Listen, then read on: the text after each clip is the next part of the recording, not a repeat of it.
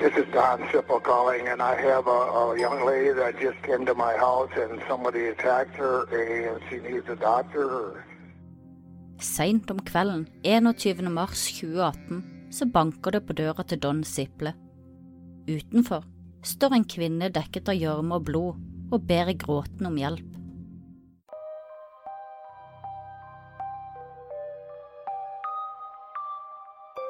Sett deg godt til rette med noe godt i koppen, og bli med inn i mord og mysteriers verden.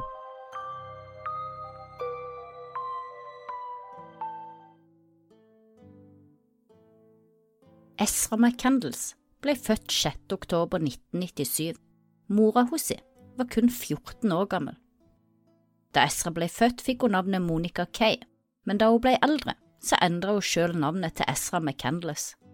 Navnet tok hun etter Christopher McCandless, en haiker og uteligger som filmen Into the Wild er basert på.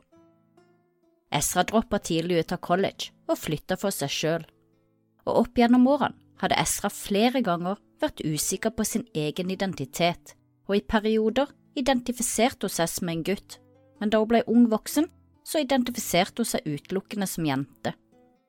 Hun ble etter hvert en ung amatørkunstner, og i en periode så brukte hun sin egen bil som lerret for å tiltrekke seg det hun elsker aller mest – oppmerksomhet. I 2017 så møtte Ezra den 13 år eldre militærsykepleieren Jason Mangel, og det tok ikke lang tid før de ble et par, og etter åtte måneder var de blitt samboere og snakka om å gifte seg. Og Ezra og Jason hang ofte sammen på den lokale kaffebaren Races, og det var her de møtte og ble kjent med Alex Woodworth. Alex var 23 år gammel, og han jobba som barista på kaffebaren om kvelden og som lærer på dagtid. Hans store drøm var å bli filosofiprofessor. Alex var den eldste av fire søsken, og han elska å hjelpe andre mennesker. Av søsknene ble han beskrevet som en godhjerta nerd. Og på kaffebaren ble Alex, Jason og Ezra bedre og bedre kjent med hverandre og ble etter hvert gode venner. Men det Jason ikke visste, var at Ezra og Alex hadde innledet en affære bak ryggen på han. En affære som visstnok skulle bestå av mye BDSM-sex. Jason oppdaga til slutt at Ezra var utro mot ham med Alex, men da Jason konfronterte de, så hadde ikke Ezra brydd seg nevneverdig. Hun gjorde det slutt på stedet med både Jason og Alex, og forlot kaffebaren med hodet høyt heva uten å se seg tilbake. Men Ezra, hun var ikke borte for godt, for det tok ikke lang tid før hun var tilbake i Jason sine armer, og de ble enige om å gi forholdet en ny sjanse. De neste to ukene var Jason bortreist på et medisinsk kurs med militæret. Men da han kom hjem igjen, så fortalte Ezra at hun hadde blitt seksuelt misbrukt mens han var borte, av en av hans beste kompiser.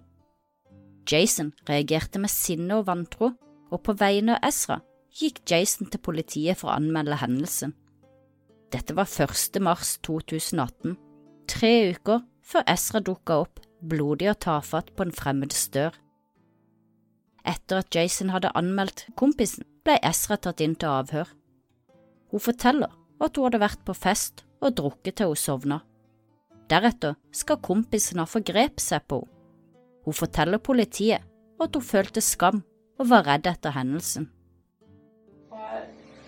Wine and things, and I thought it would be okay to have some wine and just try to talk and try to understand what was going on. And then I got really, really, really drunk. Almost blackout drunk, and I was throwing up. And he had me go upstairs when I started throwing up, and he took me upstairs. And you put me in his bed, and I was throwing up. I just remember a lot of, I don't know, it's a big mess of a bunch of fumbling and stuff. And it was awful. Did you tell Jason what happened? I told him everything tonight. Okay. But at that time it happened, you didn't tell him. Okay. That's what he's so, so upset for me. Was there a reason you didn't tell Jason what happened that night or that day afternoon? I was really ashamed and I was really afraid. Men under politiets etterforskning så oppdaga politiet at Ezra hadde sendt flere slibrige og seksuelt lada meldinger til kompisen som hun hevda forgreip seg på. Det kom også fram at hun hadde hatt sex med Alex igjen mens Jason var bortreist på det medisinske kurset.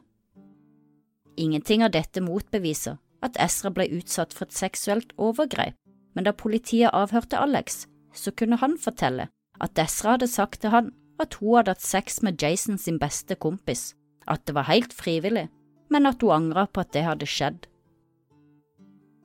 Saken endte til slutt opp med å bli henlagt, da politiet ikke kunne finne bevis for at et overgrep faktisk hadde funnet sted. Ikke så lenge etterpå ble det slutt mellom Jason og Ezra, og hun flytta tilbake til familien sin i Auclair. Men Ezra var desperat etter å få Jason tilbake, på tross av sin utroskap, hun hevda til Jason at disse mennene var onde, manipulerende menn som hadde forsøkt å stjele henne fra han, og at det var deres feil at hun var utro. Men Jason hadde fått nok av Ezra og fortalte henne at han hadde fått nok av løgnene og utroskapen, og at han aldri kunne stole på henne igjen. Dette gjorde Esra svært opprørt og sint, og alt dette var med på å lede opp til den fatale dagen, 21. mars 2018. Denne dagen var Jason som vanlig innom favorittkaffebaren Racy, da Ezra plutselig hadde dukka opp. De hadde snakka litt sammen på tekstmeldinger kvelden før, men Jason hadde ingen anelse om at hun hadde tenkt å komme til byen hans dagen etter. Ezra fortalte Jason at hun var kommet inn til byen for å vise Alex noe av sitt skrive- og tegnearbeid, og at hun jobba med å komme seg på beina etter bruddet. Så hadde Ezra forlatt kaffebaren for å dra til Alex sin bopel. Men Jason ble sittende igjen på kaffebaren med en følelse av at noe ikke stemte helt en følelse som han ikke klarte å riste av seg, så etter en liten stund tok han sykkelen sin og sykla over til Alex sin bopel for å sjekke at alt var i orden. Da Jason ankom Alex sin leilighet, så så han Ezra sin bil stå parkert utenfor. Han ble usikker på hva han skulle gjøre, og sykla et par ganger rundt boligkomplekset før han bestemte seg for å gå inn. Der inne fant han Ezra og Alex sittende og prate men i mellomtida så hadde naboer reagert på Jason og ringt til politiet da han hadde sett ham sykle og gå rundt boligkomplekset på en mistenksom måte før han hadde forsvunnet inn i bygninga. Politiet ankom raskt stedet, og de prata med både Jason, Alex og Ezra. Alle bekreftet at alt var i orden, og politiet kjørte etter hvert videre. Og Jason satte seg på sykkelen og sykla hjem, mens Ezra og Alex forsvant i bilen til Ezra. Bare tre timer seinere dukka Ezra opp på døra på gården til Don Siple, dekka av blod, gjørme og sår, gråtende etter hjelp. Don ringer straks til politiet. This is Don Sipple calling, and I have a, a young lady that just came to my house, and somebody attacked her, and she needs a doctor. Her, her clothes are all torn, and. And what is the address you're located at? What? What is the address you are at? E7614, 430th Avenue. Okay. And is she injured? Yeah, she's injured. Her her mouth is kind of uh, got some blood around it, and her tor- clothes are all torn. Okay. And she's by herself? She's by herself. She walked to my house here just recently. Okay. And can you ask her what her name is? Just hold on a second. Okay. What's your name, ma'am? What? You don't know? He's in kind of bad shape. She just says she don't know. Okay. Let me put you on hold. Do not hang up. I'm going to start some help, okay? Sure. Til politiet forteller Ezra at hun ikke husker helt hva som har skjedd, men at hun husker at hun var redd for Alex Woodworth. Hun forteller at de kjørte sammen i bilen hennes, at de satt og prata, og at Alex ble opprørt over noe han hadde misforstått, og at hun deretter hadde forsøkt å oppklare misforståelsen, men at hun husker svært lite av hva som skjedde etterpå. Hun sier hun husker at hun var redd og fikk følelsen av å bli satt bind for øynene, at hun deretter våkna opp, følte seg redd og begynte å gå nedover veien til hun kom til gården hvor hun hadde banka på døra. Hun forteller at hun følte seg redd, forvirra og kald, og at hun hadde ingen anelse om hvor lenge hun vandra rundt sånn før hun banka på døra. Hun visste heller ikke hvor bilen var blitt av. Samtidig forsøker politiet å få tak i Alex Woodworth, og siden Ezra ikke husker hva som har skjedd eller hvor de var, så vet ikke politiet hvor de skal begynne å leide. De forsøker å ringe ham på mobilen, men kommer rett til telefonsvareren. Ingen av vennene eller familien hadde sett eller hørt fra han de siste timene, og han hadde heller ikke vært gjennom kaffebaren hvor han jobba. Alex var ikke å finne noen steder. Neste dag reiser politiet tilbake til Dons gård, hvor Ezra ble funnet, for å se om de kunne klare å finne spor etter hvor Ezra hadde gått dagen i forveien, og på den måten kanskje finne Alex. Og politiet fant ganske raskt blodige gjørmespor, og etter å ha fulgt disse en stund, så finner politiet Ezra sin bil, og ut av bakdøra på passasjersida av bilen henger det en død kropp. Den døde er Alex Woodworth, og han har blitt knivstukket 16 ganger. Politiet sikrer raskt området, og ikke lenge etter konfronterer de Ezra med funnet sitt.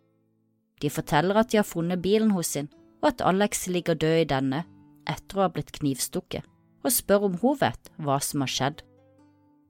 Ezra, som da plutselig hadde fått deler av hukommelsen tilbake, forteller politiet at ja, hun vet hva som skjedde. Forteller at Alex plutselig hadde tatt armen hos sin og begynt å kutte inn ordet gutt på armen hennes. Ezra forteller politiet at Alex visste om fortida hos sin, og hvordan hun i oppveksten hadde vært usikker på sin egen identitet, og at hun i perioder hadde identifisert seg som gutt. Hun fortalte at han rissa det inn i armen hennes sånn at hun aldri skulle glemme det. Politiet spurte Ezra hvor i bilen de satt da dette skjedde. Ezra forklarte at hun satt i passasjersetet og Alex satt i førersetet ved siden av.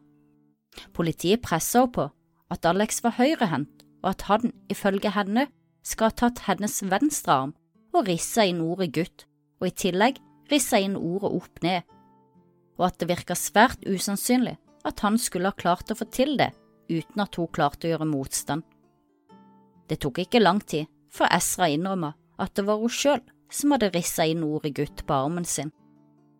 Ezra endra da forklaring og fortalte politiet at hun og Alex hadde sittet i baksetet i bilen da han plutselig hadde angrepet henne, kutta av henne klærne og seksuelt forgrep seg på henne. Hun fortalte at hun kjempa for livet mot Alex, og at hun etter ei stund hadde klart å få tak i knivbladet på kniven hans, og i selvforsvar så stakk hun Alex til døde. Men politiet hadde sjekka Estre sine hender, og de kunne ikke finne spor som tilsvarte at hun hadde kjempa mot en kniv eller tegn på at hun hadde dratt i kniven etter knivbladet. Heller ikke i bilen kunne politiet finne spor som bekrefta at det hadde vært en sånn kamp som Esra påsto. Det var lite blod i bilen, kun der Alex sin kropp ble funnet, og det ble heller ikke funnet noen forsvarssår på Alex sine hender eller kropp. Så for etterforskeren så det ut som om Alex hadde blitt angrepet uten forvarsel. Obduksjonen viste også at Ezra, forhåpentligvis etter at Alex var død, hadde lemlesta penisen hans. Politiets teori er at Ezra ønska å få Jason tilbake, og at hun derfor bestemte seg for at Alex måtte fjernes for godt. Og to uker etter at Alex ble funnet drept, ble Ezra arrestert og sikta for overlagt drap på Alex, og 18 måneder så starta rettssaken mot henne. Today, the trial is underway in a Dunn County murder case. Ezra McCandless is accused of stabbing Alexander Woodworth of Eau Claire 16 times in March of 2018. His body was found in a car in Springbrook Township between Eau Claire and Menominee. Prosecutors say McCandless showed up at a home not far from the crime scene, barefoot and disheveled with some blood around her mouth. The 21 year old is charged with first degree intentional homicide. She has pleaded not guilty to the charge. I retten erklærte Esra seg ikke skyldig, og hun hevda hele veien at hun drepte Alex i selvforsvar. I retten forklarte hun seg med at faren hos sin alltid hadde lært henne at hvis hun havna i en situasjon eller noen angrep henne, så måtte hun gjøre alt hun kunne for å forsvare seg selv og komme seg unna situasjonen eller personen, at man kunne bruke kniv, klore eller slåss. What I recall my dad telling me, he told me many times, and he would always tell me when you're in a situation with an individual or if someone's attacking you, that you need to do anything and everything you can to get away, to defend yourself. And he would tell me about you can use knives, you can scratch, you can kick, you can fight. I retten blir også Ezra spurt om hvorfor Alex kalte henne for gutt. Ezra forteller at etter hvert som forholdet utvikla seg, så fortalte hun om fortida si og hvordan hun i perioder i oppveksten hadde identifisert seg som gutt og følt seg maskulin. Videre så fortalte hun at Alex hadde sagt at han likte at hun var maskulin, at hun fremsto så selvsikkert, og at han ble tiltrukket av hos sin maskuline utstråling, og at han likte å kalle henne for hans gutt.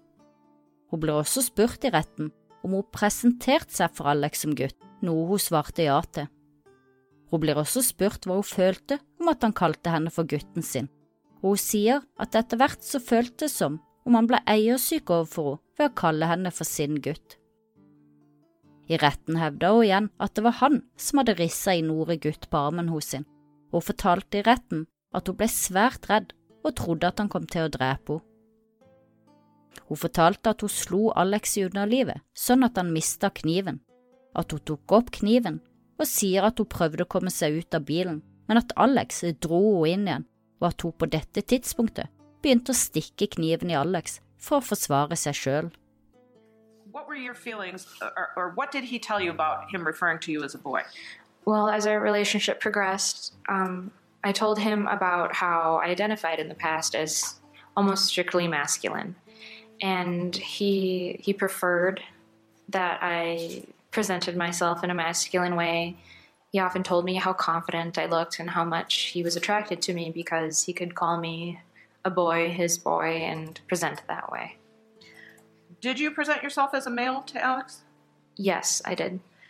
What about the word boy specifically? How did you feel about his use of the word boy?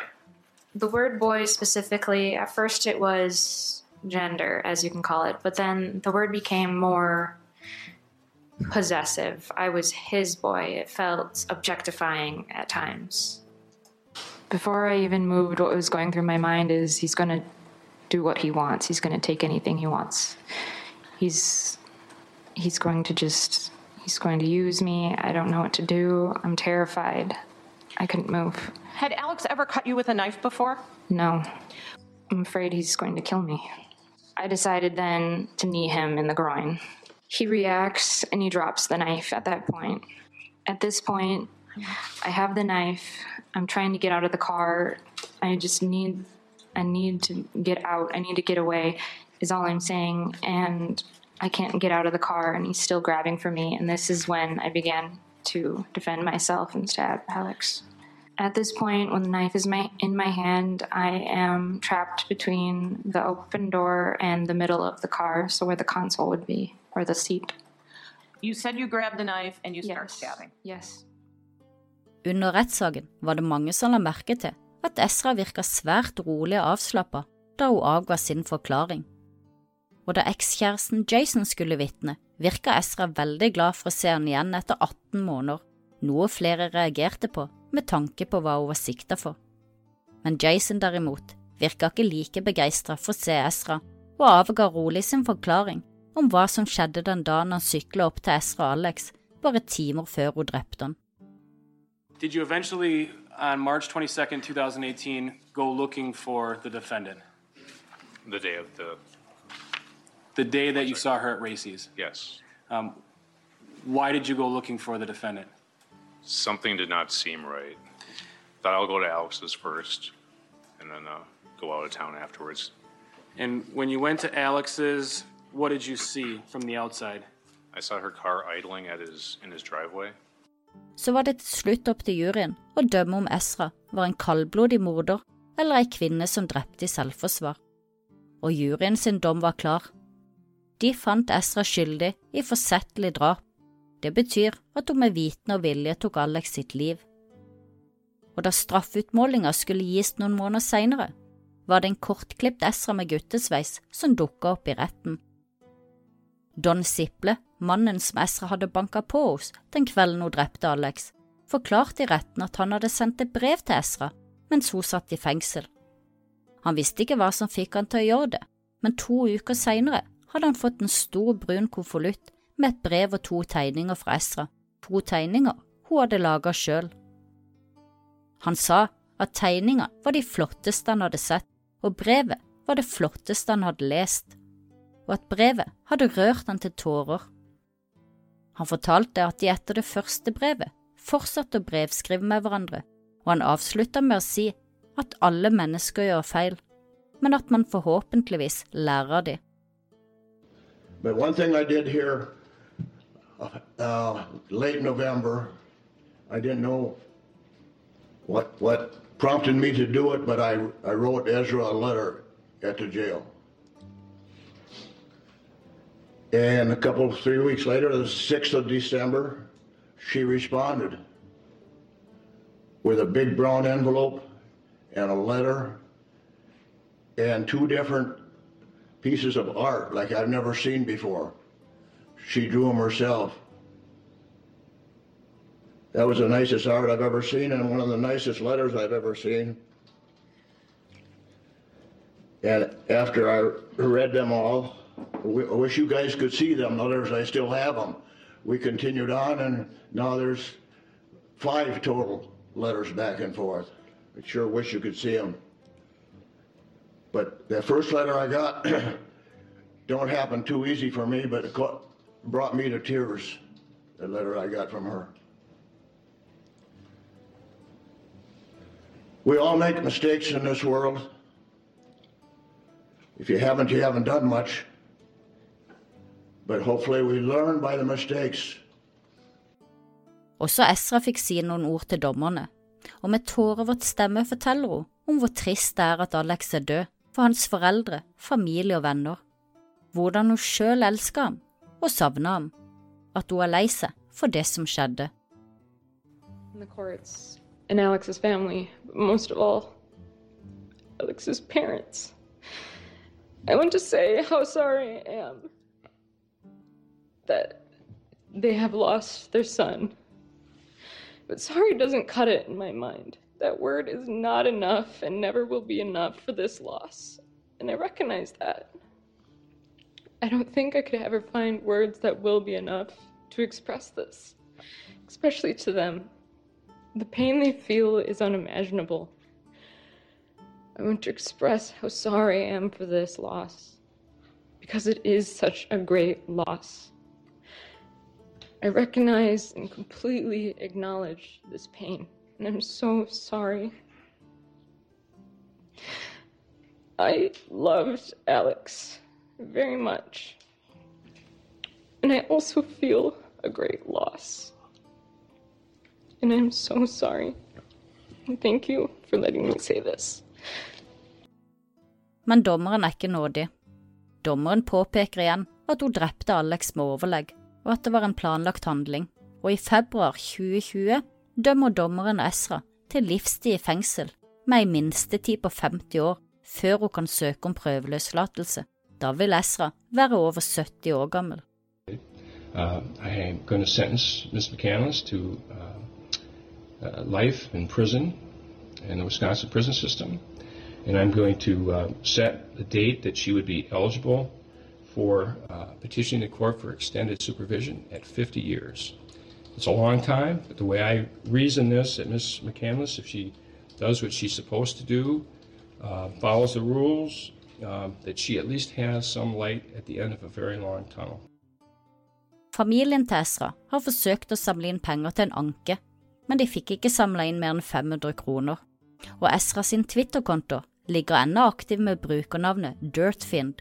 Her kan du se flere av tegningene hos sine, og en uttalelse om at hun kommer til å kjempe for å få saken sin opp på ny og bli frikjent fra det hun mener er en feil dom.